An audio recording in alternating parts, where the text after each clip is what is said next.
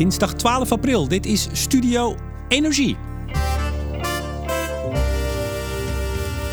De vergunningen zijn rond, de subsidie is binnen. Maar nog altijd wordt er niet gebouwd aan Portos, het CO2-afvang- en opslagproject dat een grote rol speelt in het halen van de klimaatdoelen.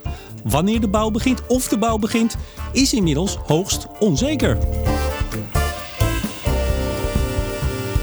Onlangs diende namelijk een zaak bij de Raad van State, aangespannen door MOB, oftewel Mr. Stikstof Johan Vollebroek. Over Portos, die rechtszaak en de mogelijk verstrekkende gevolgen praat ik met Mr. Portos. Mijn gast is Mark Driesen.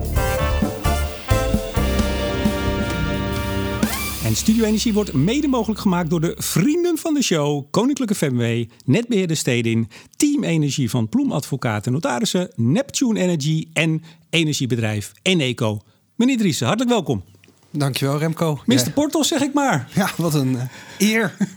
ja, een bijnaam. Ik had een beetje moeite met u te introduceren. U bent eigenlijk van alles. U bent officieel public affairsman. Officieel als in van beroep? Nou, volgens mij bij dit project uh, uh, Public Affairs ja, man. Ik, ik leid het team dat Public Affairs, stakeholder management en communicatie doet. Ja, maar ook bent u een van de weinigen, geloof ik nog een van de twee mensen die vanaf de allereerste dag bij dit project betrokken is. Dat klopt. De huidige projectdirecteur is dat niet. Die zei ook, noem je maar adjunct projectdirecteur. Dat kunnen we ook doen. Ja. Maar in ieder geval, ik heb hier tegenover me degene die vanaf de eerste dag erbij betrokken is. Vandaar Mr. Portos. Ja, rechtszaak. Ja, het staat allemaal op losse schroeven. Ja, dat uh, is in de handen van de rechters nu. Ja, nou, daar gaan, we het, uh, daar gaan we het over hebben. We gaan het ook over het project hebben, uiteraard. Ik denk dat heel veel mensen de naam Portos wel eens gehoord hebben, ook de luisteraars. Misschien toch nog niet allemaal weten uh, wat het nou precies is. En toch ook wel, de rechtszaak was twee weken geleden. Uitspraak is dan over twaalf weken, dus over tien weken. Ja, verstrekkende gevolgen mogelijk. Niet alleen voor Portos, maar ook voor heel veel andere bouwprojecten in Zeker. Nederland. Um, ik begin nog even om te zeggen dat uh, je vriend van de show kunt worden, zeg ik tegen de luisteraars. Want dat heb ik al een tijdje niet meer gezegd. En er komen nog steeds vrienden bij. Maar het is in dit geval wel heel uh, relevant, want 20 april is er voor de vrienden van de show een borrel. Dus ik zeg dit even, meneer Driessen, tegen de luisteraars, tegen de vrienden. Die dachten, oh ja, ik heb me nog niet aangemeld. Er zijn nog een paar plekken, uh, dus dat kan. En wil je vriend van de show worden, ga dan naar vriend van de show. .nl slash studio-energie. 38,50 per jaar kun je, kun je Studio Energie steunen. Dus misschien ook nog iets voor u. Je weet het niet. Dat zal het eens in de groep gooien.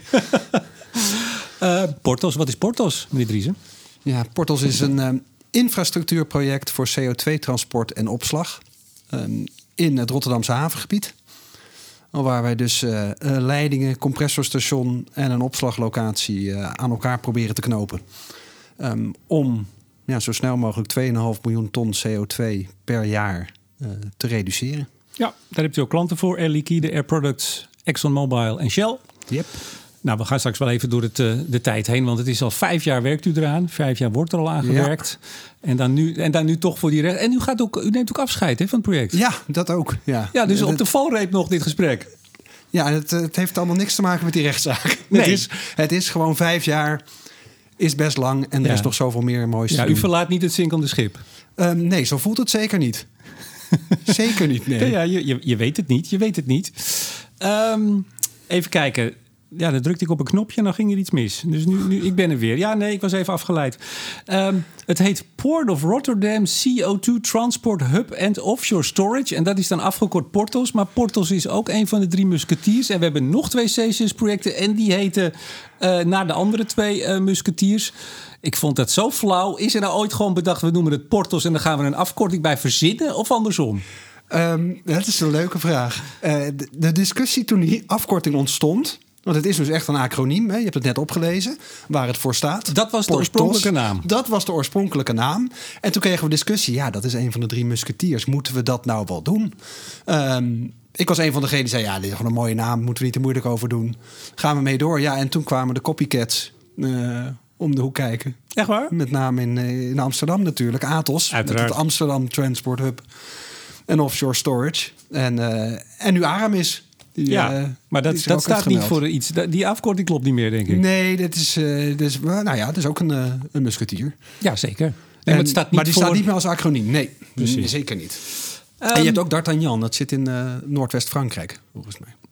Is toch ongelooflijk Dus we hebben wel een trend gezet. Maar dat was dus eigenlijk een beetje onbedoeld, dat musketier. Uh, maar het is wel gek, want als je zo Port of Rotterdam, CO2 Transport Hub en Offshore Storage... dan moet je wel even je best doen om daar portals in te nee, zien. CO2 moet je ook eigenlijk weglaten.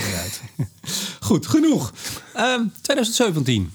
Ehm, uh, u, u, ging toen trouwens, u hebt uh, lang, bijna 19 jaar voor ministeries gewerkt. U ging Ja. toen naar het havenbedrijf Rotterdam. Een van de partijen in dit project, havenbedrijf Rotterdam, EBN. Daar zitten wij nu ook, in Ja. Utrecht, op het, uh, ja, het hoofdkantoor, het kantoor. Um, en GasUnie. U ging van uh, de overheid naar uh, havenbedrijf, eigenlijk ook overheid, semi-overheid. Huh? Ja. ja, commerciële wereld is mooi het wil doen. Ja, en u, u, u werd meteen op, um, op portals gezet dan, denk ik.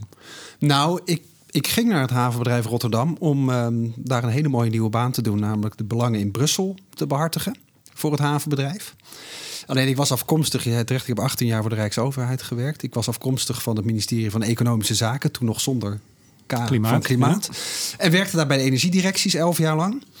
En de energietransitie bij het havenbedrijf was eigenlijk nieuw. Dat was echt net opgestart. En van oudsher is het havenbedrijf vooral wat nu INW heet, dus infrastructuur, die, uh, die hoek. Maar hadden niet zoveel met economische zaken uh, nog. Nou, die energietransitie kwam er natuurlijk bij. Mhm. Mm -hmm. En uh, toen vond men het denk ik ook wel aardig dat ik daar wat contacten had. En ja, eigenlijk binnen een paar maanden dat ik daar werkte, uh, werd mij gezegd: joh, er is daar een bijeenkomst. Van, we gaan eens gaan praten over CO2-opslag. Ga jij eens even meeluisteren wat dat is en, ja. en wat daar gaat gebeuren. Maar in 2007 was er al het Rotterdam Climate Initiative. Dat is tien jaar eerder. Ja. En toen zou er al heel veel CCS gaan plaatsvinden. Dat wisten ze bij het havenbedrijf toch nog wel. Die waren daar toen ook groot in. Ja, ongetwijfeld, ja. Ze maar deden toch, net of ze opnieuw begonnen. Nou ja, het, het, klimaatakkoord van Parijs was wel een hele nieuwe trigger. Uh, met die harde doelstelling die daarin stond van die 49 procent. En ook een CEO bij het havenbedrijf die, ja, ik zeg het wel eens eigenlijk letterlijk uit zijn raam keek en dacht... Hoe gaan we dat hier doen? Dat moeten we gaan doen, maar hoe gaan we dat doen? Al het kastelein. Ja, en um, ja, toen is onderzoek gedaan en uit al die onderzoeken bleek... je kunt het redden, je kunt de doelen halen van Parijs... maar je hebt wel CCS nodig. En eigenlijk ook nu, hè, in de beginfase. Je kunt ermee beginnen en je moet ermee beginnen... als je dit cluster wil verduurzamen en echt naar 95% in 2050 wil brengen. Ik moest nog aan u denken gisteren toen ik aan het afstoffen was thuis... Wat leuk. Ja, wij, wij, hebben een, stukje Venetiaans glas hebben we op, op, op de kast liggen. En dat heb ik gekregen, en dat hebt u ook gekregen... toen wij samen in Venetië in een of ander prachtig palazzo aan een diner zaten. Een CCS-diner. Ja. In 2018. In 2018, ja. Ja, het is volgens mij ook de enige keer dat ik u ben tegengekomen. Ik wou zeggen, is voor de luisteraars misschien ook goed om te weten. Het is inderdaad de enige keer dat wij elkaar echt uh, gezien en gesproken maar hebben. Maar toen ja. ging u dus, dat was een internationale conferentie. Ik was daar ook om een podcast te maken. U ging daar toen heen om ook uw licht op te steken over, ja, in die, in die internationale CCS-wereld. Zeker. En ja, dat was een van de eerste keren dat we Portos, ik weet niet eens of het toen al Portos heette. Ik denk het wel. Dat is maart 2018. Ja, volgens mij was die naam er toen net. Uh, om dat te presenteren. We werden gevraagd om dat te presenteren. Ik vind het ook heel leuk, hè? Wat, wat, wat ik ook heb gemerkt de afgelopen jaren. Um, zonder ook maar enigszins aan borstklopperij te doen. Maar Europa kijkt echt naar Rotterdam en naar Portos. CCS Europa, zeg ik dan maar even. Zeker. Al was, het maar, de wereld. al was het maar omdat de EU er 100 miljoen euro aan heeft gegeven. Nou ook, maar ook veel landen. Je in de gaten aan wat er gebeurt voor het geld. eens. Maar ook andere clusters, andere landen. We krijgen ook veel interesse, ook uit, uit Noord-Amerika, uh, Mexico. Het is echt leuk hoeveel mensen kijken naar wat hier gebeurt. Want het bijzondere is dat dit, want er zijn heel veel CCS-projecten. Uh, in allerlei soorten ook, soms om meer olie te kunnen winnen. Er zijn allerlei vormen. In Noorwegen al, al nou, twee, twintig jaar, langer ja. volgens mij. Slijpnerveld is weer een andere reden. Maar hier is het vooral omdat er eigenlijk een, een soort nutsvoorziening wordt gemaakt... waar bedrijven op kunnen aantakken. Eigenlijk zoals ze dat gebruik kunnen maken van andere infrastructuur. En dat het dus niet alleen voor die bedrijven is. Het is een, ja, een, een, een infrastructureel werk waar iedereen met zijn CCS... of pardon, met zijn CO2 op kan aanhaken als hij dat wil. Ja. Dat, dat, is de gedachte. En we merkten dus in het begin, dat was de constatering, dat geen van die bedrijven in zijn eentje zo'n verzamelinfrastructuur ging aanleggen. En dan had, was het ieder voor zich geworden. Um, en dat er wel heel erg prijs wordt gesteld op het hebben van die infrastructuur. Ja. Ja, nou dat was 2017, 2018. Toen begon nu 2019. De, de vier bedrijven die we net al noemden, die, ja. uh, die waren toen eigenlijk al aan boord. Dat gaat door allerlei uh, gremia en over allerlei schijven. Het gaat van een soort intentie. Uh, eerst ging u peilen, is er wel behoefte aan? Ja. Dat zijn, nou, uiteindelijk zijn de definitieve contracten getekend. Vorig jaar, dacht ik. Ja, eind vorig jaar. Ja, nou, daar zijn allerlei fases weer voorgegaan. Ja. Dat loopt allemaal. U bent vergunningen gaan aanvragen. Ja. Die hebt u ook. Daar moesten we ook met snel mee beginnen, want het zijn lange trajecten. Ja. We hebben ze bijna allemaal. Eigenlijk hebben we definitieve vergunningen. Ze noemen maar even de milieuvergunningen. En we wachten nu nog op de definitieve opslagvergunning. Maar die zit, eh, die zit eraan te komen. Ja, daar, da- daar is in principe ook geen issue. Daar is geen Nee. discussie over. We gaan het zo over die rechtszaak hebben. Dat is een ander aspect. Maar op Nee. zich loopt het allemaal. Die opslagvergunning loopt ook eigenlijk heel goed. Geen zienswijze op ontvangen. Die heeft ter inzage gelegen. De EU moet advies uitbrengen. Formeel moeten ze dat doen. Nou, daar wachten we nog op. We hebben wel begrepen dat de eerste signalen positief zijn daarvan. Dus daar, eh, daar hebben we eigenlijk geen zorgen. En eigenlijk is het met de milieuvergunningen ook heel goed gegaan. Ja, u lacht erbij. Tot, tot nu. Tot, tot recent. Ja. Even nog, u hebt ook subsidie Ja. gekregen, SDE++. Dat hebt u in het, eh, de voorjaarsronde, of althans, dat was geloof ik mei, juni 2021, kwam dat los. Ja, 2020 aangevraagd. In de ronde van 21 2020 gekregen. Ja. En even, daar moet ik toch altijd even heel duidelijk in zijn. Dat hebben wij niet gedaan, maar dat hebben onze klanten gedaan. Hè, Portals is, nou ja, wat u ook net zei, EBN GasUnie Havenbedrijf, de infrastructuur. Maar de SDE is aangevraagd door de klanten, de vier die u net noemde. Ja, en dat ging eh, met enige stof opwaaien Ja. gepaard. Eh, Ja. Want het maximumbedrag, dat woordje maximum viel meestal weg, was 2, 2,1 miljard voor 15 jaar. Ehm, nou, dat was meteen eh, ophef en schande. Zoveel geld naar die vieze jongens. Ja. Want het zijn vervuilers, althans, dat is dan Ja, zoals het heet. Ehm, maar inmiddels, we gaan een beetje van de hak op de tak, eh, merk ik zelf. Ja, vind het wel leuk. Ja, nee, ach, we gaan gewoon van links naar rechts en, eh, en weer terug. Ehm, die subsidieaanvraag is uitgelegd, noem ik het maar even, op eh, een CO2-prijs van 25 euro. En u hebt ongeveer 80 nodig om uit de kosten te komen. Of althans, de partijen Gemiddeld, ja. ongeveer. En laat die nou toevallig deze maand, de afgelopen 30 dagen, bijna, bijna vlak op de 80 liggen. Oftewel, als dit zo blijft de komende 15 jaar, geen subsidie nodig. Nou, dat is een hele belangrijke constatering. En eentje die in mijn ogen te vaak wegvalt. Ehm, ook bij partijen die dit eigenlijk heel goed weten. Dus dat is, we praten met iedereen, we leggen het iedereen uit. Het, is, ehm, ja, het ministerie heeft gekozen voor een hele lage ETS-prijs in die SDE uit voorzorg. Want hij heeft natuurlijk nogal gefluctueerd en hij is laag geweest. En ze willen zeker weten dat ze voldoende hebben om die projecten te, re- te realiseren. Nou, met een hele lage ETS-prijs krijg je dus een hele grote reservering voor heel veel miljoen ton CO2. Nou, die zagen natuurlijk van mijlenver aankomen dat dat veel geld zou zijn. Maar eh, ja, ik kan niet genoeg benadrukken dat iedereen bij Portals, inclusief de klanten, hoopt dat de ETS gewoon zijn werk doet en eigenlijk geen subsidie nodig is. U of zei- zo min mogelijk. U zei partijen die best wel weten hoe het zit. En dan hebt u het over partijen die hier tegen zijn. Nou ja, inclusief eh, MOB. Die hebben het ook uitgelegd. Die blijft nu roepen ehm 2,1 miljard subsidie. Hè, de belastingbetaler betaalt. Ehm, dat is wel eens vermoeiend, laat ik het zo zeggen. Maar, Dat, dat eh, is eh, dus de, de, de club noem ik maar even van Johan Vollebroek. De, be- de beroemde Johan Vollebroek. Ja, en andere tegenstanders hoor, precies. eh, Mo-. Mobilization for the Environment. Ik snap nooit zo goed hoe dat MOB is geworden, die afkorting. Maar dat is weer, ik begrijp inmiddels, een hele afkortingenwereld die mij vreemd is, zoals ook bij u. Ehm, nou, dat viel me ook op, want we gaan straks natuurlijk over de rechtszaak hebben. Die gaat over stikstof. Ehm, dat hij ook zegt, ja, het is een schijnoplossing voor de klimaatcrisis. Hij is ook echt tegen de CCS-oplossing. Zoals zoveel. Hij zegt ook, het is een, een duur, megalomaan project. Ja. dat is dus als het 80 euro zou blijven. Maar laten we even realistischer zijn. De C- eh, ETS-prijs is het afgelopen jaar, afgelopen 12 maanden, niet onder de 50 geweest. En zou het 50 zijn, dan zit je nog op 1 miljard. Ja. Nog niet weinig, maar het is de helft Ja. van 2. Ja. Ja, en de verwachting is echt dat die wel door blijft, eh, blijft stijgen. Dus, maar dat is ja. Wij blijven het uitleggen. En aan iedereen, iedereen die het vraagt, blijven we het uitleggen hoe, het, eh, hoe echt de vork in de steel zit. Ja. Ehm, C- CCS kwam eigenlijk bij Rutte 3. Dus het vorige kabinet kwam dat heel nadrukkelijk op de agenda in het regeerakkoord. Daar stond een staatje opgenomen met waar we nou die toen nog 49% reductie, hoe we dat gingen halen. En daar stond eh, voor de industrie, want er stond totaal nog iets meer zelfs, maar voor de industrie stond 18 megaton aan CCS. Iedereen schrok zich lam. Zelfs in de industrie dachten ze, wat is hier aan de hand? Nou, wij waren dus net bezig. Ja. En eh, we konden wel een oppeppertje gebruiken. Dat we dachten van, gaat iedereen, iemand nou eens iets zeggen over CCS dat het nodig is? Durft het kabinet dat? Nou, dat durfden ze, maar op een manier waarvan wij ook eh, stijl achterover sloegen hier. Met 18 miljoen ton. Dat had niemand voorzien. Maar goed, toen kwamen natuurlijk vooral eh, snel de klimaatakkoordonderhandelingen. Nou, Dit was uh, eind 2017. Dit was eind 2017, Het Klimaatakkoord was uh, juni 2019 ja, klaar. Toen het, toen het, gesloten was wel. Maar ik bedoel, toen kwamen snel de gesprekken. En toen zag je de 18 miljoen ton weer wat omlaag gaan. Ja.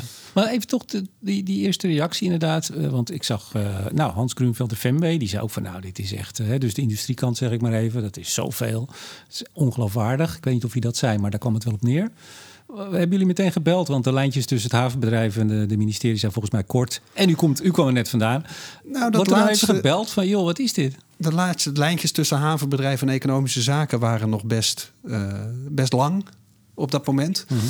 En bovendien, ook dat kan ik niet genoeg benadrukken. Ik was inmiddels ook echt gewoon gedetacheerd bij Portos. Dus we werkten aan het project Portos met z'n drieën. Dus ik werk voor alle drie de moeders. Ja. Um, nou, er is wel gebeld natuurlijk. Je gaat wel even vragen, waar hebben jullie die vandaan, die 18 miljoen ton? Ik weet het antwoord eerlijk gezegd niet meer. Um, ik kreeg de indruk dat ze er zelf misschien ook een beetje van geschrokken waren hoeveel dat was. Maar wat het wel deed bijvoorbeeld was dat Natuur en Milieu uh, meteen een, een publiekactie organiseerde. Nog, nog een paar keer in het weekend, ik heb het vaker verteld, de, de doelstelling wat, bij, wat bijstelde. Tegen CCS was het eerst, toen tegen subsidie voor CCS of toen tegen ja. publiek geld voor subsidie voor CCS. In ieder geval het kwam erop neer dat CCS en, en ook bij milieubewegingen en ook aan bepaalde partijen in de Kamer... Uh, dat het eigenlijk meteen heel veel tegenwind kreeg. Ja, en die 18 was dus misschien ook wel te veel. Aan de andere kant, die discussie moest toch een keer gevoerd worden. Dus ik ben daar niet zo uh, rouwig om dat dat misschien aan de hand van een wat ongelukkig getal was. Of een wat over, ja, te hoog getal. Maar die discussies die, die waren onvermijdelijk. Ja. In mijn ogen. Uiteindelijk werd dat 7,2 megaton voor de industrie. Ja. Uh, gesubsidieerd, want daar hebben we het al over. Als, het, als er geen subsidie op zit, nou, dan ga je gang, ja. uh, zegt het kabinet. Hè. Als u het leuk wilt opslaan, doe dat. Maar er was 7,2 megaton gesubsidieerd voor de industrie. Ja. Er was ook nog drie voor de elektriciteitssector. Dat was 10 ongeveer totaal in het uh, klimaatakkoord. Um, er was een, ze een zeef, een plafond en een horizon. Zeker. Dit is voor ja. de insiders die dat allemaal nog weten. Die, die, die nu ook alweer of de haar uit het hoofd trekken... of minzaam glimlachen. Want het was op alle manieren moest het ingeperkt worden, ja. hè, CCS? Ja, ja en dat is, dat is dan zo. Dat is dan op een gegeven moment ook prima. Het klimaatakkoord was voor ons van de basis om op door te bouwen. Je had eerst het regeerakkoord, wat je net zei, mm -hmm. wat u net zei, met, uh, ook, met zeggen, 18, uh, ja. 18 miljoen ton. Um, nou, dat, dat werd in de klimaatakkoordonderhandelingen beperkt. In eerste instantie dachten wij ook, doe dat nou niet. Beperk het nou niet meteen. Maar als dat de uitkomst is van die onderhandelingen, zwa, uh, prima, dan bouwen we daarop. We hebben ook vrij snel hier gezegd, we zien dat later wel. Uh, wij wilden beginnen met 2,5 miljoen ton. Ja, gesubsidieerd, want op dat moment was de ETS-prijs ook nog zo laag dat we niet voorzagen dat het op korte termijn helemaal zonder subsidie kon. Um, maar dan is die 7,2, we zien het wel hoe zich dat verder ontwikkelt um, in de loop der tijd. Misschien wel belangrijk op te merken wat het belangrijkste bezwaar is van milieuorganisaties, sommige partijen in de Kamer, die zeggen ja, het is, het is geen oplossing. Het is het, ja. uh, ik geloof dat Greenpeace altijd zei onder het tapijt vegen, ja. in ieder geval onder de zeebodem. Um, en het, het, haalt de prikkel weg bij bedrijven om te innoveren. Want ja, het is een soort end of pipe. Je, je, hebt, je hebt dat spul en je moet er iets mee. Nou, dan stop het maar onder de grond. In plaats dat je voorkomt dat het ja. de lucht in gaat. Daar hebben ze natuurlijk wel een punt. Ja, we verschillen ook totaal niet van mening. Nou, totaal niet van mening kan ik niet zeggen. Maar over het feit dat het geen eindoplossing is. Het is inderdaad een, een, een tijdelijke maatregel. Alleen, ik denk een van de dingen die misschien nog meer benadrukt moet worden. Als ik nou terugkijk naar vijf jaar werk bij Portos. Um, wat nog meer naar voren mag komen is het carbon budget. He, dus de, de, resterende hoeveelheid CO2 die uitgestoten mag worden om binnen die 2 graden, of beter nog, in anderhalve graad te blijven. Mm -hmm. En van die mooie websites waarvan die klokjes tikken, ja. he, waar de CO2 aftelt. Ik moet zeggen, ik kan daar vrij onrustig van worden als ik daar, uh, daarnaar kijk. Maar daarom doe je CCS. Je wil die klok langzamer laten tikken. En uiteindelijk zelfs een stukje terugdraaien als je negatieve emissies hebt. Ja. Want dat is volgens mij voor volgens iedereen uiteindelijk ook nodig. Dus um, nee, het is geen eindoplossing. Maar we hebben de tijd helemaal niet meer en de luxe niet meer om het niet te doen. Die maar, klok moet langzamer gaan tikken. Maar als u nou, u hebt uh, vijf jaar aan gewerkt. U bent in alle conferenties geweest. U hebt vast ook met alle tegenstanders gesproken. On the record, off the record, noem maar op. Kunt u nu best wel vertellen hier, u gaat toch afscheid nemen. Achter de schermen, vinden ze, vinden ze echt dat het niet door moet gaan, de tegenstanders? Of zeggen ze, nou, we moeten dit wel zeggen, uh, uh, ik zou bijna zeggen voor onze achterban, maar we, snappen het wel, we vinden het eigenlijk wel oké. Nou, je ziet verschillen wel tussen partijen. Ik denk dat het een combinatie is. ehm, dat er oprechte weerstand is tegen deze oplossing. Ik denk in Nederland en zeker in Rotterdam toch ook wel voornamelijk verbonden aan de olieraffinage. Um, dat daar ook wat in zit. Alleen het wordt altijd nog weer dermate gechargeerd in de publieke uitingen. Dat ik denk, ja, dat is kennelijk voor de achterban um, van belang. Want uh, of we hier nou met, met Greenpeace praten of met MOB praten, tussen de, in een kamertje tussen vier muren, zijn de gesprekken eigenlijk altijd wel redelijk. Uh, natuurlijk, je hoeft het er niet over eens te zijn. Het is ook niet dat ze ons op de schouders slaan en zeggen: fantastisch project. En dan buiten alleen maar roepen dat je het niet moet doen en dat het schandalig is. Hmm. Nee, ze, ze zeggen ook wel dat ze er moeite mee hebben. Maar het, is niet zoals. Uh, nou, ik had onlangs nog, en zij is ook de gast 25 mei bij uh, de grote energie- en klimaatquiz van Studio Energie. Laurien Spruit van hmm. Bellona. Dat is nou een NGO, Noorse NGO. Ja die heel uitgesproken voor is. Die zegt, wij kunnen ons, eigenlijk wat u zegt, we kunnen ons dit niet veroorloven om het niet te doen. We moeten die uitstoot naar beneden brengen. Snel, nu. Ja, eens. En we hebben ook veel met Bellona samengewerkt. Ook echt die verbinding gezocht. Um, zij doen ook eigenlijk stiekem heel veel goed werk in Europa, maar ook in Nederland. Um, en ik kan toch ook niet eigenlijk, of ik wil niet onvermeld laten, wat uh, natuur en milieu, nou, ik denk ongeveer een jaar geleden heeft gedaan, namelijk naar buiten brengen dat CCS noodzakelijk is. Ja. Uh, niet, uh, niet van ganser harte.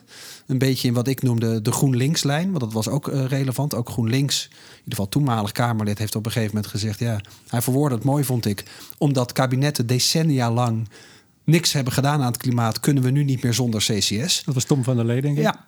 Um, maar daar zit natuurlijk wel wat in. En dat is ook een beetje wat natuur en milieu zegt. Ja, we kunnen er lang en, en kort naar kijken en we kunnen er allemaal heel moeilijk over doen. Maar we redden het niet zonder.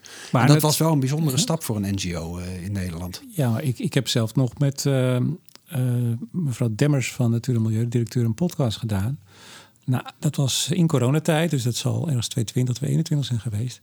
Waarin de zoveelste draai was gemaakt van toch weer wel, maar misschien ook niet. Dat was niet. Ik, ik, het, het klopt wat u zegt. Een jaar geleden is mij weer, weer zeg ik dan maar, wat nadrukkelijker voorgegaan. Maar het zou me niks verbazen als het straks weer de andere kant op gaat.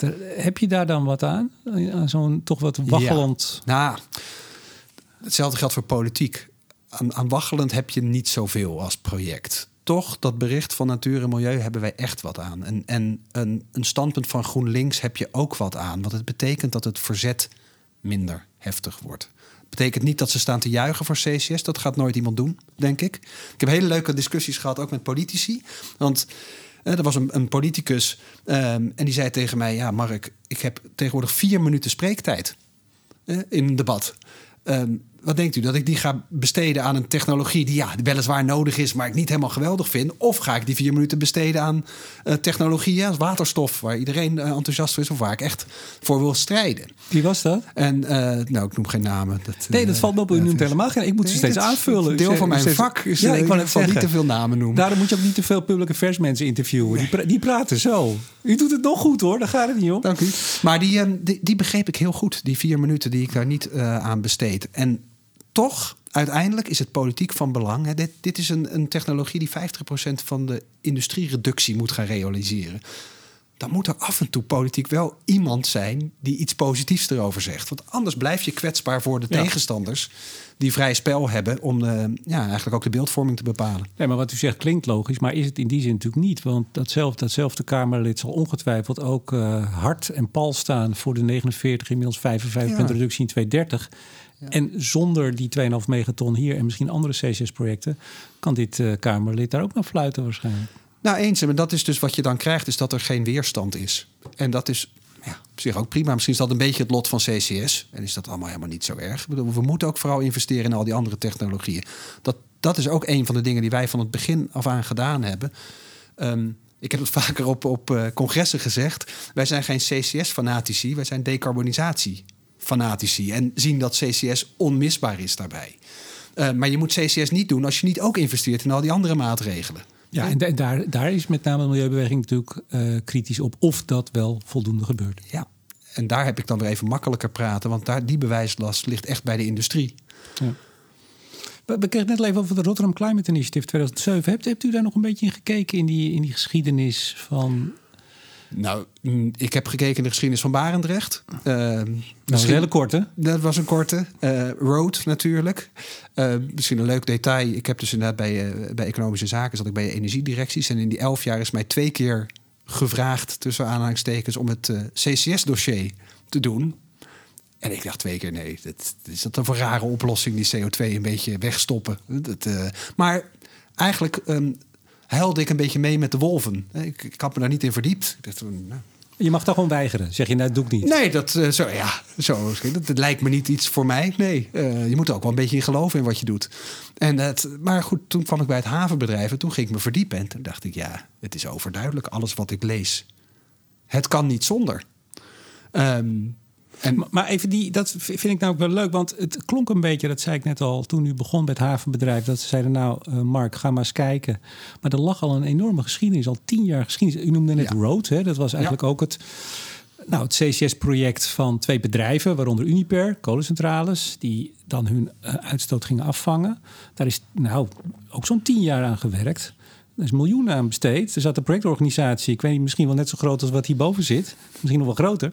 En dat is uiteindelijk in 2017 gesneuveld. De bedrijven trokken zich terug. Toen startte uh, uw project, Portals. Ja, het... Maar is er, is er geleerd van die periode? Nou, zeker. En het was eigenlijk nog net iets anders. Um, het idee ontstond al snel. Road was natuurlijk gepland op de kop van de Maasvlakte. Uh, het idee ontstond al snel, ervan uitgaan dat dat doorging, om met die uh, verzamelleiding, die verzamelinfrastructuur die wij wilden bouwen, te gaan aansluiten op Road. Want die waren daar toch al bezig en die gingen al naar het P18-veld, zoals dat dan heet, waar we het gaan opslaan uiteindelijk, 20 mhm. kilometer voor de kust. Um, en toen eigenlijk vlak, ja, nog voordat we echt konden beginnen, voor mij in juni, juli 2017, klapte Road. Ja, dat, was al lang, dat stond al heel lang in de sterren, meneer Driessen. Dat ging met klappen. de discussie over de kolencentrales. ja. Uh, en ik denk nog steeds dat het een blessing in disguise was voor ons, um, dat dat klapte. Ehm, Want? Omdat, nou, ten opzichte van Barendrecht hadden we het, het grote voordeel, of het grote voordeel, het betere verhaal, dat we offshore gingen opslaan en niet meer onder een woonwijk. En uh, Road was toch kolencentrales. En CCS bij kolencentrales vind ik zelf ook een lastige discussie. Er zijn daar geen alternatieven. En uiteindelijk is het dus gedraaid naar een, een CCS in Nederland. Alleen voor die industrie waar op korte termijn geen kosteneffectief realistisch alternatief is ja. om te verduurzamen. En we waren dus ook van de discussie over de codecentrales af. Wat je er ook van vindt dat die moesten sluiten. Ik bedoel, daar... Nou, ik wou net zeggen, u zegt er was een alternatief voor. Ja, dat klopt. Dat was uh, ze sluiten. Dat, dat is gebeurd uh, hier in Amsterdam onder meer. Dat was uh, nog eentje sluiten voor 212,5 miljoen. Die gaat niet dicht op de baasvlakte nu. En dat was een, een, product, of een, een uitstootbeperking van 35%. En het gevolg daarvan is dat we meer gas nodig hebben.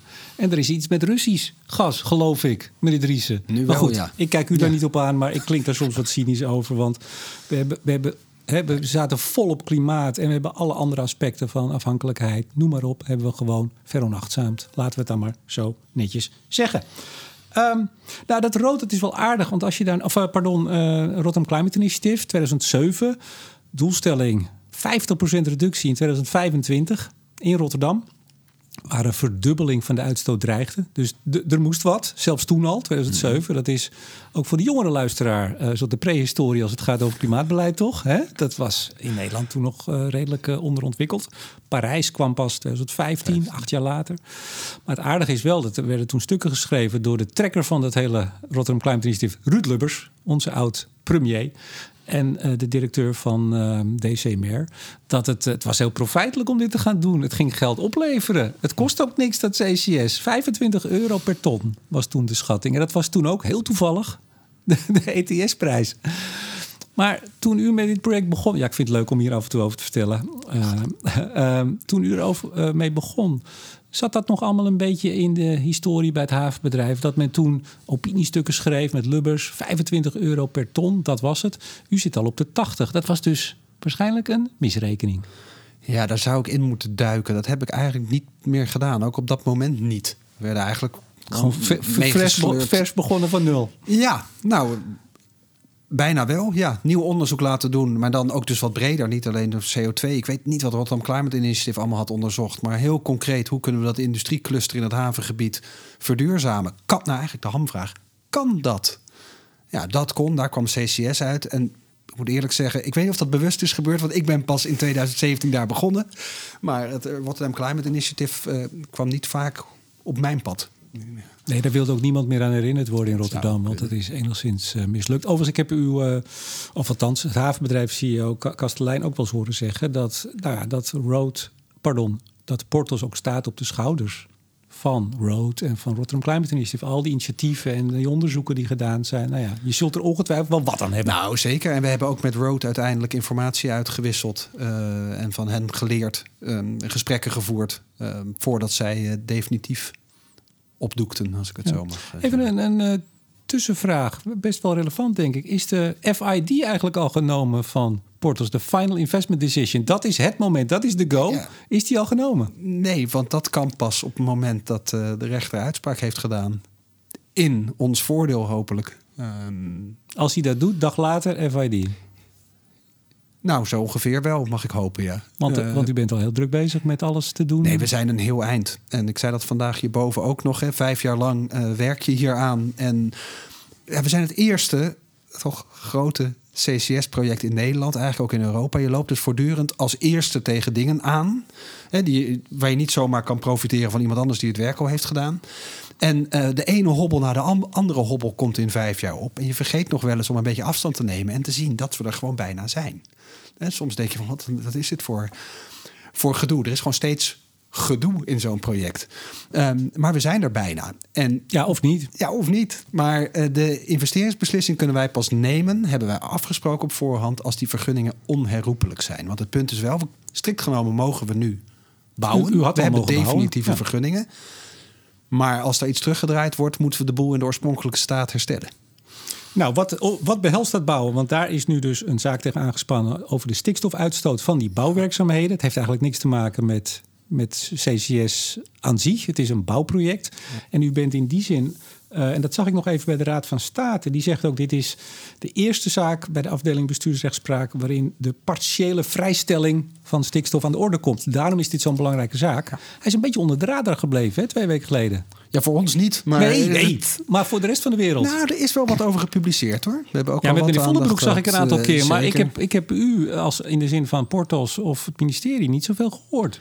Nee, ik denk dat het, dat is ook goed om even te vermelden. De- het ministerie is de gedaagde hier. Het zijn onze vergunningen, maar het ministerie is eh, de verstrekker van de vergunningen. Dus ik zeg maar even, die staat voor de rechter. Portos is daar ehm, het onderwerp. MOB had een eh, casus nodig om die bouwvrijstelling aan te pakken. En ehm, ik denk dat wij ja, de, de pech hadden, kun je zeggen. Dat wij het eerste grote project zijn die definitieve vergunningen kreeg... gebaseerd op die bouwvrijstelling. Waardoor MOB ook meteen bij de Raad van State staat. Ja. En in één keer dus die bouwvrijstelling kan aanpakken. En als ze gelijk krijgen van tafel kunnen, Ja. kunnen vegen. Hey, even het, het bouwproject zelf is toch wel even leuk voor de, de nerds eh, onder de luisteraars. Eh, ik mag me er zelf ook toe rekenen. Ik heb er heerlijk over gelezen. Eh, eerst een, een 30 kilometer lange buis. Ik zeg maar even eh, Rotterdam van, nou niet van het centrum naar de Maasvlakte, maar dat stuk wat mensen Pernis. kennen als ze wel eens Ja, rijden. ja. Dat lange stuk, 30 kilometer. Dat is een buis. staat ook zo mooi in de tekst. Er, zitten, er werken bij u ook allemaal nerds. Hè? Een buis van circa, circa 108 centimeter doorsnee. 42 inch. Ja. Ehm, eh, op 35 bar wordt het daarin in eh, ver- vervoerd. Dan gaat het naar een compressorgebouw. Dat komt vlak bij de Gate Terminal Ja, te staan. op de voor, voor de kenners Ja. dat stukje, het uiterste stukje Nederland. Verder buiten de kust kom je niet. Ehm, door drie com- compressoren. Overigens een, een gebouwcomplexje van twee hectare. Hè? Twee voetbalvelden, dacht ik. Dat is niet een, eh, het is niet een, een hokje van twee bij twee meter. Nee, een compressorstation is wel... Maar ja, dat kun je in heel Nederland zien, de compressorstations van, eh van GasUnie. Die eh, Ja. hebben wel even wat ruimte Ja, nodig. Daar wordt het naar maximaal 130 bar ja, opgevoerd. Dan gaat het in een, een leiding van 22 kilometer op de zeebodem, neem ik dan aan. Of Ja. onder de zeebodem. Een beetje ingegraven. Ja, net. Net, net eronder. Zodat de Russen er niet bij kunnen. Of ja, nou En ja. ankers van schepen en zo. Die, Exact. Dat is dan een buis van circa 40 centimeter, 16 inch. Eh, en dan gaat hij naar platform, we noemden het net al even, eh, P18A op de Noordzee. Eh, en daar wordt geïnjecteerd onder nogmaals maximaal 130 bar. Dan is de CO2 inmiddels in gasvormige toestand, maar met de kenmerken van vloeistof. Ook voor de geïnteresseerde luisteraar. En het wordt dan opgeslagen in de poriën van het zandsteen, zo'n drie kilometer onder de zeebodem. Ja. That's it. correct. Nou, dat moet even aangelegd worden. Dat duurt zo'n twee jaar. Als de FID genomen is, dan hebt u nog zo'n twee jaar nodig. Ehm, en daar komt stikstof bij vrij. En Ja. eh, toen zei meneer Voldebroek, eh, die toch bekend staat echt als, ik, ik zei dat zonder, eh, zonder eh, schertsing, Mr. Stikstof. Hij heeft ervoor gezorgd in 2019, of eigenlijk al in 2018, in, in, in, de Europese rechtszaken, zal ik maar zeggen, of rechtszalen. Toen uiteindelijk Raad van State in Nederland het hele stikstofbeleid zoals wij dat toen kenden. Met, wat was het ook weer, de PAS? Ja. Ehm, het programma Aanpak Stikstof, wat bedacht was om toch verder te kunnen. Dat ging van tafel en toen zat Nederland op slot. Toen hadden we een stikstofcrisis. En ook toen al, zag ik in de annalen, eh, zei eh, Portos... nou, dat zou wel eens een probleem kunnen worden voor ons project. En zeker, daar hebben we ook al last van gehad. Ehm, want we moesten op zoek naar een nieuwe manier om die, eh, om die vergunning te krijgen. Ja, hoeveel stikstof gaat het eigenlijk over? Ehm, om weinig. Ehm, U ja, zegt niet alleen geen namen, maar u zegt ook geen, Jawel, geen getallen. Oh. Wij, eh, 160 ton stikstof uitstoot. Eh, dus gedurende twee jaar. Dus vijf, we hebben 85 ton per jaar. En we slaan ook nog 10 op. Dus die trekken we er weer vanaf. Dus 85 keer 2 is 170. En in de, de hele CO2-massa die wij opslaan zit ook 10 ton stikstof. Ja, u bent ook als een dolle naar het zoeken gegaan van waar, waar winnen we nog wat, wat Nou, stikstof? Het is eigenlijk wat, wat ik hier ook over wil zeggen. In mijn ogen zijn we in een bizarre tegenstelling hier beland. Tussen eh, stikstofreductie en CO2-reductie. Eh, waarbij ja, wij ook min of meer gedwongen worden om erop te wijzen hoe weinig stikstof eh, er is, alleen tijdens de bouwfase. Versus 37 miljoen ton CO2-opslag die nu op het spel staat. En ja, ik, denk dat kan niet de bedoeling zijn dat je dit soort discussies Ja, 160 voeren. ton tegen 37 miljoen ton. Ja. Alleen, een rechter zal zeggen, en dat zegt meneer Voldebroek ook, en terecht. Ja, dat zal allemaal prachtig, maar u moet zich gewoon aan de wet houden, meneer Ja. Driessen en consorten. Nou, eh, wij houden ons volledig aan de wet, want er is een bouwvrijstelling in de wet waar we ons zelfs aan moeten houden.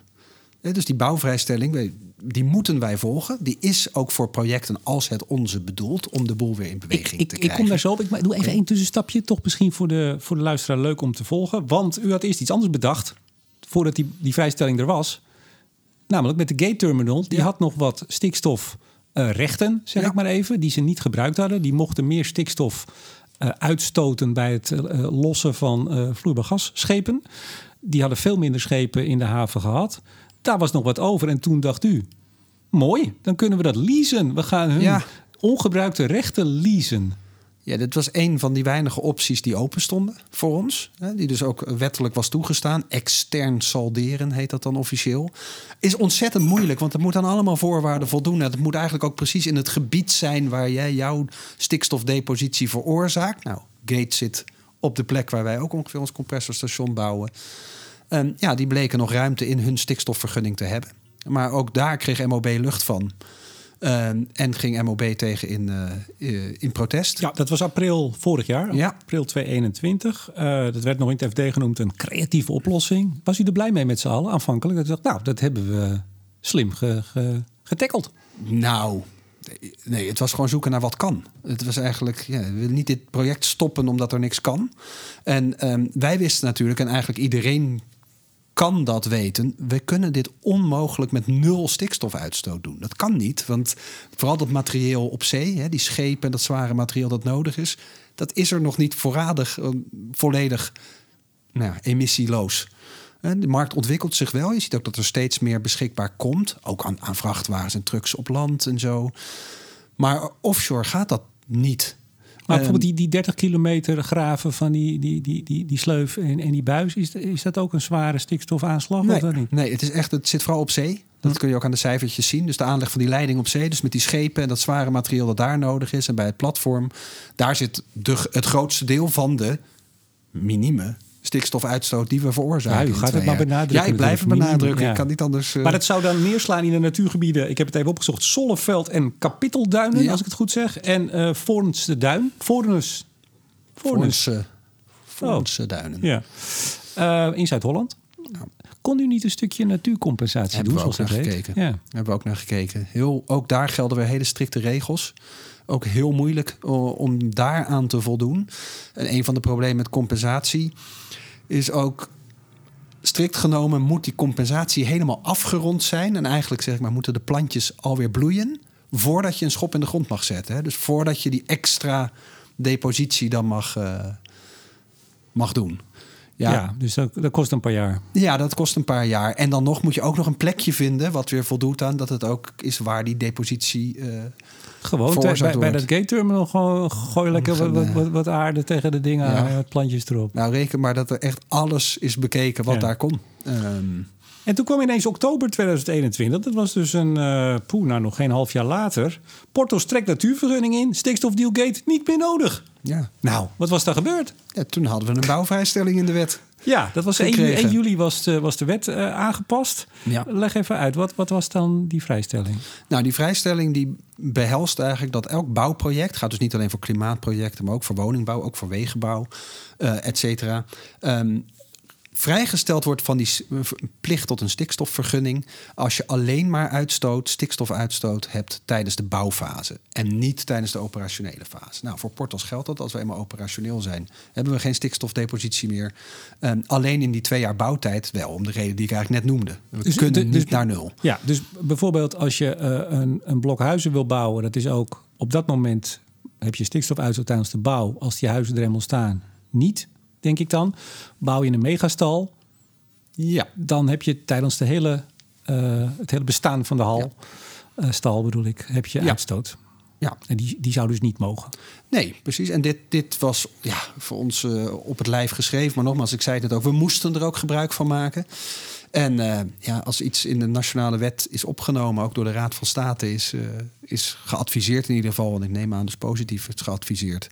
Ja, als project ga je daarmee aan de slag. Maar ik begrijp van MOB, van uh, Vollebroek, die zegt ja, maar er, er, hebben toen ook al, toen dit, en dat is ook op zich ook wel logisch, zijn altijd mensen die zeggen dit gaat geen stand houden. Er is al voor gewaarschuwd of dit nou wel stand ging houden, of dit niet ook weer ging sneuvelen bij de Raad van State. Ja, en wij zien het als 50-50. Um, wij hebben die geluiden ook gehoord. Er zijn advocaten die daar inderdaad somber over zijn. Er zijn advocaten die zeggen, nee, dat gaat best, uh, gaat best goed. Maar wij konden ook niet anders. En nogmaals, wij kunnen niet naar nul stikstofdepositie. Wij werden uiteindelijk gedwongen in de bouwvrijstelling. Maar wij vonden dat ook prima. We vonden dat op zich goed van toepassing op ons. En we zagen ook al wat het Rijk probeerde te doen. Uh, om niet alles op zijn gat te laten liggen. En dan ontstaat er een principiële discussie over die bouwvrijstelling. Ja, waarbij wij nu, nu even in de spotlight staan. Maar laten we ook duidelijk zijn. MOB had hoe dan ook die bouwvrijstelling aangevochten. Als zij een andere casus hadden genomen en ze zouden dat winnen, waren de effecten voor ons exact hetzelfde geweest. Ik, ik, waren we hetzelfde. Ja, ik, ik vermoed wel dat, dat Johan Vollebroek is een hele slimme man. En, en zijn medestanders en zijn uh, organisatie. Ik zou wel een, een case kiezen waar ik een grote kans uh, van winnen heb, denk ik. Ja, en ik vraag me dus af of er, of er verschil is tussen de cases. Want het gaat hier dus niet om CCS. Ook als je de juridische stukken leest. En die, die zitting heeft vijf uur geduurd. Nou, ik geloof de naam Portos... Uh, zeker na de pauze nog maar twee keer is gevallen of zo. Het ging echt over uh, de bouwvrijstelling, de algehele bouwvrijstelling. En CCS speelde helemaal geen rol in die rechtszaak. Maar goed, hij is, hij is ook tegen CCS. Dat is tegen dit project. Ja, in ieder geval uh, speelt schrijft hij dat. Ja, ja, Het speelt hier geen rol. Um, ja, en, en eigenlijk, en op zich, ja, ik, ik ben heel benieuwd. U was bij de zitting, neem ik aan? Nee, ik zelf oh. niet. U dacht, ik ga er geen vijf uur zitten. Nee, daar zaten er al genoeg. Ja, het was een, komen, het was een hele optocht. Nou, het, viel, het viel eigenlijk heel erg mee, maar met name de ministeries. Kijk, ook uh, eh, LNV, EZK, ja, die zijn toch wel heel benieuwd. Het is voor hen ook een hele belangrijke zaak. Ja. Maar het, het verwijt is van MOB, van Vollebroek, die zegt ja, het zal allemaal wel, maar de stikstofuitstoot, de depositie, de, de weerslag of de neerslag pardon, van de stikstof in die natuurgebieden neemt gewoon toe. En in de net genoemde gebieden is hij al hoog, ik geloof te hoog. Dus ja, linksom, rechtsom, dit is gewoon in strijd met eigenlijk de bedoeling van de wet, wat we met z'n allen voorstaan. Ja, nou en daarbij zegt hij volgens mij vooral dat hij de plannen van het Rijk niet voldoende concreet vindt. Want het Rijk zegt nee, dit is onderdeel van een heel pakket. Hè, die hele stikstofwet die neergelegd is ook in die nieuwe stikstofwet. Uh, waarbij dit dus kan, want het hele pakket zorgt voor een aanzienlijke reductie van stikstof. Dus kan je ook die partiële bouwvrijstelling doen in andere, hè, met oog op andere belangen. En ja, hij bestrijdt dat. Hij zegt het is niet concreet genoeg. Ik heb er te weinig vertrouwen in. Het is eigenlijk hetzelfde als pas. ja, nou, dat is. Uh... Ja, want ik, ik heb er even naar gekeken, ook op hun site. Hij zegt: het kabinet heeft uitdrukkelijk gekozen voor um, die generieke bouwvrijstellingen in plaats van een meer toegespitste. Want ik, bedoel, ik, ik ben geen jurist. Dat mogen helder zijn. Dus uh, misschien zit ik maar een beetje eromheen te kletsen. Maar je, je zou ook andere voorwaarden kunnen, kunnen hebben. Bijvoorbeeld als er echt geen alternatieven zijn voor een project. Hè? Kan niet anders. Als er sprake is van een groot openbaar belang. Nou, daar zou je in ieder geval bij Portos ja. zou je daarvan kunnen spreken. Dat je zegt, nou even los van alle regelgeving, maar dit gaat om 37 miljoen ton CO2-uitstoot. Want ja, meneer Driessen, anders, als, als u nou verliest, dan staat er straks iemand op de stoep die zegt: nou ja. We gaan de klimaatdoelen niet halen. Maar dat is precies wat er dus aan de hand is, Remco. Ehm, de volgende rechtszaak bij de Raad van State, waar het Rijk weer voor het hekje staat, zeg maar, uh, kondigt zich al aan. Als dit ehm, inderdaad in ons nadeel uitpakt. Want reken maar dat de klimaatdoelen niet gehaald worden. Natuurlijk niet alleen Portos valt stil. En ik hoop dat het alleen maar stilvallen is en weer vertraging en niet helemaal uh, afstel. Maar alle andere klimaatprojecten, ook alles op zee, alle windparken op zee, die hebben ook al die schepen nodig en al dat materieel. Die doen dat ook niet zonder stikstofuitstoot. stil. In, in mijn ogen moet dat wel, want die kunnen ook niet emissieloos aangelegd worden. Dus het heeft enorme implicaties. Daarom vind ik ook dat het op zich best wel wat stil is geweest rondom deze rechtszaak. Maar goed, ja, want wij waren zelf niet de gedaagden. Um, maar we hebben ook al wat mensen geïnformeerd hierover, ja. Zoals de NVDE. En, uh, let op wat hier gebeurt. Ja, dus denk ik niet zoveel meer aan te doen. Het is in handen van de rechter. Maar het is precies het beeld wat, wat jij net schetst, wat mij ook echt zorgen baart, is de eindeloze opeenvolging van rechtszaken die er komt. Want ja, of het nou Urgenda of een andere partij dadelijk is die zegt: ja, maar hey, we hadden afspraken over de klimaatdoelen. Die hou je niet. Als dit stilvalt, hou je die doelen in ieder geval niet. Maar dan, dan zou je kunnen zeggen: nou, dan heeft de wetgever, en dat is dus de Tweede Kamer met name, kabinet, Tweede Kamer, noem maar op. Uh, ja, die hebben het gewoon niet goed gedaan. Ja, aan de ene kant wel. Aan de andere kant is die hele klimaatproblematiek volgens mij zo ingewikkeld. dat ik ook niet zo goed weet hoe je het helemaal goed kan doen. Ik krijg een beetje het gevoel of het idee dat er altijd wel iemand is die vanwege een issue iets kan vinden in een wet wat niet goed nagekomen wordt. En, um, en nogmaals, niks ten nadele van het belang van stikstofreductie, hè, van de uitstoot van stikstof. Uh, want daar zijn wij ook voor. En we willen daar helemaal niet iets eigenlijk over. Wij willen liever ook nul uh, stikstof uitstoten. Maar je krijgt, uh, je krijgt de een na de ander, denk ik, om de hoek. En ik vind het ook een verantwoordelijkheid, natuurlijk van rechterlijke macht, om breed te kijken. maar ik weet niet hoe een Raad van State precies werkt. of die alleen maar juridisch kijken of ook een soort belangenafweging daarbij maken. En zeggen: Goh als ik hierin meega, dan heeft dat wel enorme consequenties. Die moet ik ook meewegen. Maar eerlijk gezegd vind ik het eigenlijk ook een verantwoordelijkheid van degene die naar de rechter stapt. om die gevolgen in ogenschouw te nemen. Ja, is dat zo? Ja, vind ik wel. Omdat anders uh, je alles lam kan leggen. Maar heb je, heb je niet mensen als Voldebroek, heb je niet mensen als Marjan Minnesma nodig om op zijn minst dan maar uh, de deugdelijkheid van de wetgeving uh, aan de kaak te stellen, scherp te krijgen door dit soort zaken aan te spannen? Nou, Milieudefensie met ah. Shell, hè? je kan het in die zin niet kwalijk nemen dat ze gaan voor hun belang. En als dat slaagt, ik zeg het vaker, als zij de rechters aan hun zijde vinden. Ja, ik bedoel, je kan ze voordat ze gelijk krijgen, kan je het nog afdoen. En dat doen heel veel mensen met, uh, nou ja, met alle negatieve kwalificaties. Maar als je de rechterlijke macht aan jouw kant vindt, dan heb je dus gewoon een heel goed punt. Nou, dan klopt er iets niet in de samenhang van wetgeving in Nederland. Dat zou, dat zou goed kunnen, dat er iets niet klopt. Maar ja, hoe, hoe je dat dan wel organiseert. Ja, ik denk dat ook wij vinden dat het Rijk wel wat meer voor stikstof had kunnen doen en wat concreter had kunnen zijn. Dat had de zaak misschien wat makkelijker gemaakt. Dat was de zaak er waarschijnlijk niet eens geweest. Voor mij zegt Vollebroek dat zelf ook. Hè. Als de afgelopen twee of drie jaar is het sinds pas meer gedaan was, hadden we hier nu niet gestaan. Dus natuurlijk, en eh, het belang dat je naar de rechter kunt gaan is ook groot.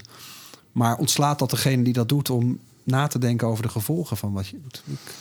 Nou ja, ik, ik, ik, denk met een kleine persoonlijke noot dat dit vooral laat zien dat, en hebben we het niet zozeer over het kabinet, over dit kabinet of het vorige kabinet, maar over het hele, de hele politieke constellatie, uh, niet genoeg in staat is om zelf de belangenafweging te maken. We willen namelijk alles. We willen zo snel mogelijk minder uitstoot aan broeikasgas. We willen Uh, natuurgebieden, Natura 2000 gebieden, het liefst zoveel mogelijk. We willen dat we ons uiteraard aan de habitatwetgeving houden. En op een gegeven moment kun je niet alles willen. Het is eigenlijk hetzelfde wat we nu zien met Russisch gas. We willen zo snel mogelijk geen Russisch gas meer. We willen eigenlijk geen gaswinning in eigen land. Ja, nu dan misschien een beetje meer op zee. Maar dat gaat ook niet snel. Op land ook al niet. We willen geen kolencentrales. Hè.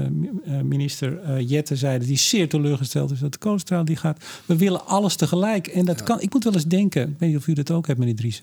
Beetje kleuterschool. Je hebt kinderen die willen gewoon alles. Die gaan naar stampvoeten. En dat werkt dus niet. Je kan niet alles tegelijk willen. Nee, en dat is wel de vraag hier. Wie is de stampvoeter? Dat laten we helemaal niet midden. Ja. Um, inmiddels over een week of tien dan de uitspraak. Is dat al vast, die data? Nou, de rechter heeft gezegd dat hij het... Ik ga eens uh, rustig kijken. En dan minstens twaalf weken. Dat hij oh, minstens. Een, volgens mij zei hij een, zo'n principiële zaak vindt. Dus ook wel zo ingewikkeld daarmee... dat hij daar minstens twaalf weken de tijd voor ging nemen. Nou, dan zitten we eind juni. Bent u dan al weg bij Portos? Ja, uh, want ik ben uh, vrijdag weg bij Portos. Ah, dus dit was toch even op de valreep nog even het verhaal doen. Ja, wat ik vijf jaar lang met heel veel plezier ja, vrij, ik wou zeggen over de hele wereld, maar dat is een beetje overdreven. Heb, ge, heb gedaan. Wel via de computer in coronatijd kon je heel veel wereld bereiken. En die was in ieder geval een keer in Venetië. Zeker. En wat eh, is al bekend welke klus of wat, wat voor project u gaat doen bij het havenbedrijf?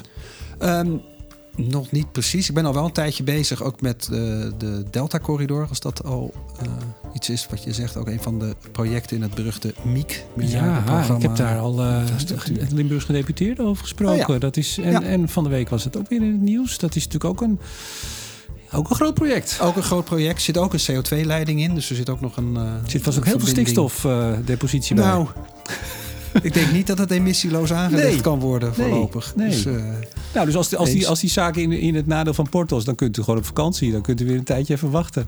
Ja, ja daar kunnen we om lachen. Als het niet zo ernstig was, zou ik er ook om... Ja, nee, we moeten, maar we moeten ook af en toe nog een beetje kunnen lachen. Nee, zeker. Toch? En dat, dat doen wij ook. En dit is eigenlijk dit is ook uh, out of our hands, zoals het nu heet. Het is een... Uh, aan de rechter. we, gaan met spanning, uh, we gaan met spanning afwachten. Eind juni en misschien iets later. Mark Driesen, nog heel eventjes. Mister Portos. Hartelijk dank voor het gesprek. Jij ook. Dankjewel. En uiteraard bedank ik ook jullie, beste luisteraars. En in het bijzonder alle vrienden van de show. Uh, van wie ik er ho hopelijk 20 april een aantal ga ontmoeten. Maar ik heb al heel veel aanmeldingen. Komt goed. Uh, de andere vrienden zijn Koninklijke FMW, Netbeheerder Stedin, Team Energie van Ploem Advocaat en Notaris en Neptune Energy en energiebedrijf Eneco. Tot zover. Mijn naam is Remco de Boer. Graag tot volgende week.